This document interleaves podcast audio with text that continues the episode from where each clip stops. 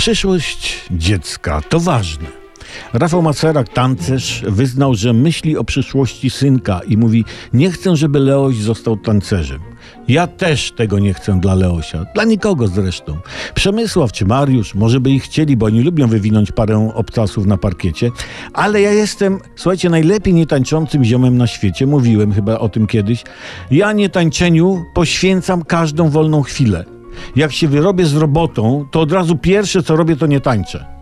Ile ja nocy nie przetańczyłem, to ucho nie wypowie. Koledzy coś tam mi przychodzą pod moje okno i krzyczą: Tomek, chodź na piwo. A ja im na to: Nie mam teraz czasu, kochani. Zajęty jestem, właśnie nie tańczę. Nietańczenie jest trudne, nie róbcie tego sami w domu. Jeśli więc nie tancerz, to jaki zawód wybrać Leosiowi? No, moim zdaniem najlepsza fucha, słuchajcie, to w życiu, to krócej jest najlepsza, to, to moim zdaniem to jest kierownik bankomatu.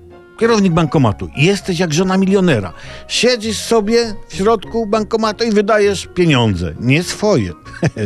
No, Popatrzysz sobie na ludzi, pośmiejesz się z nich. Jak jakaś zacna panna podejdzie, to możesz krzyknąć mu "Eee", nie? i ją przestraszysz. Śmieszne. Masz dużo czasu na czytanie, ekran jest w bankomacie, to jak nikt nie wypłaca, to sobie internet pooglądasz, nie?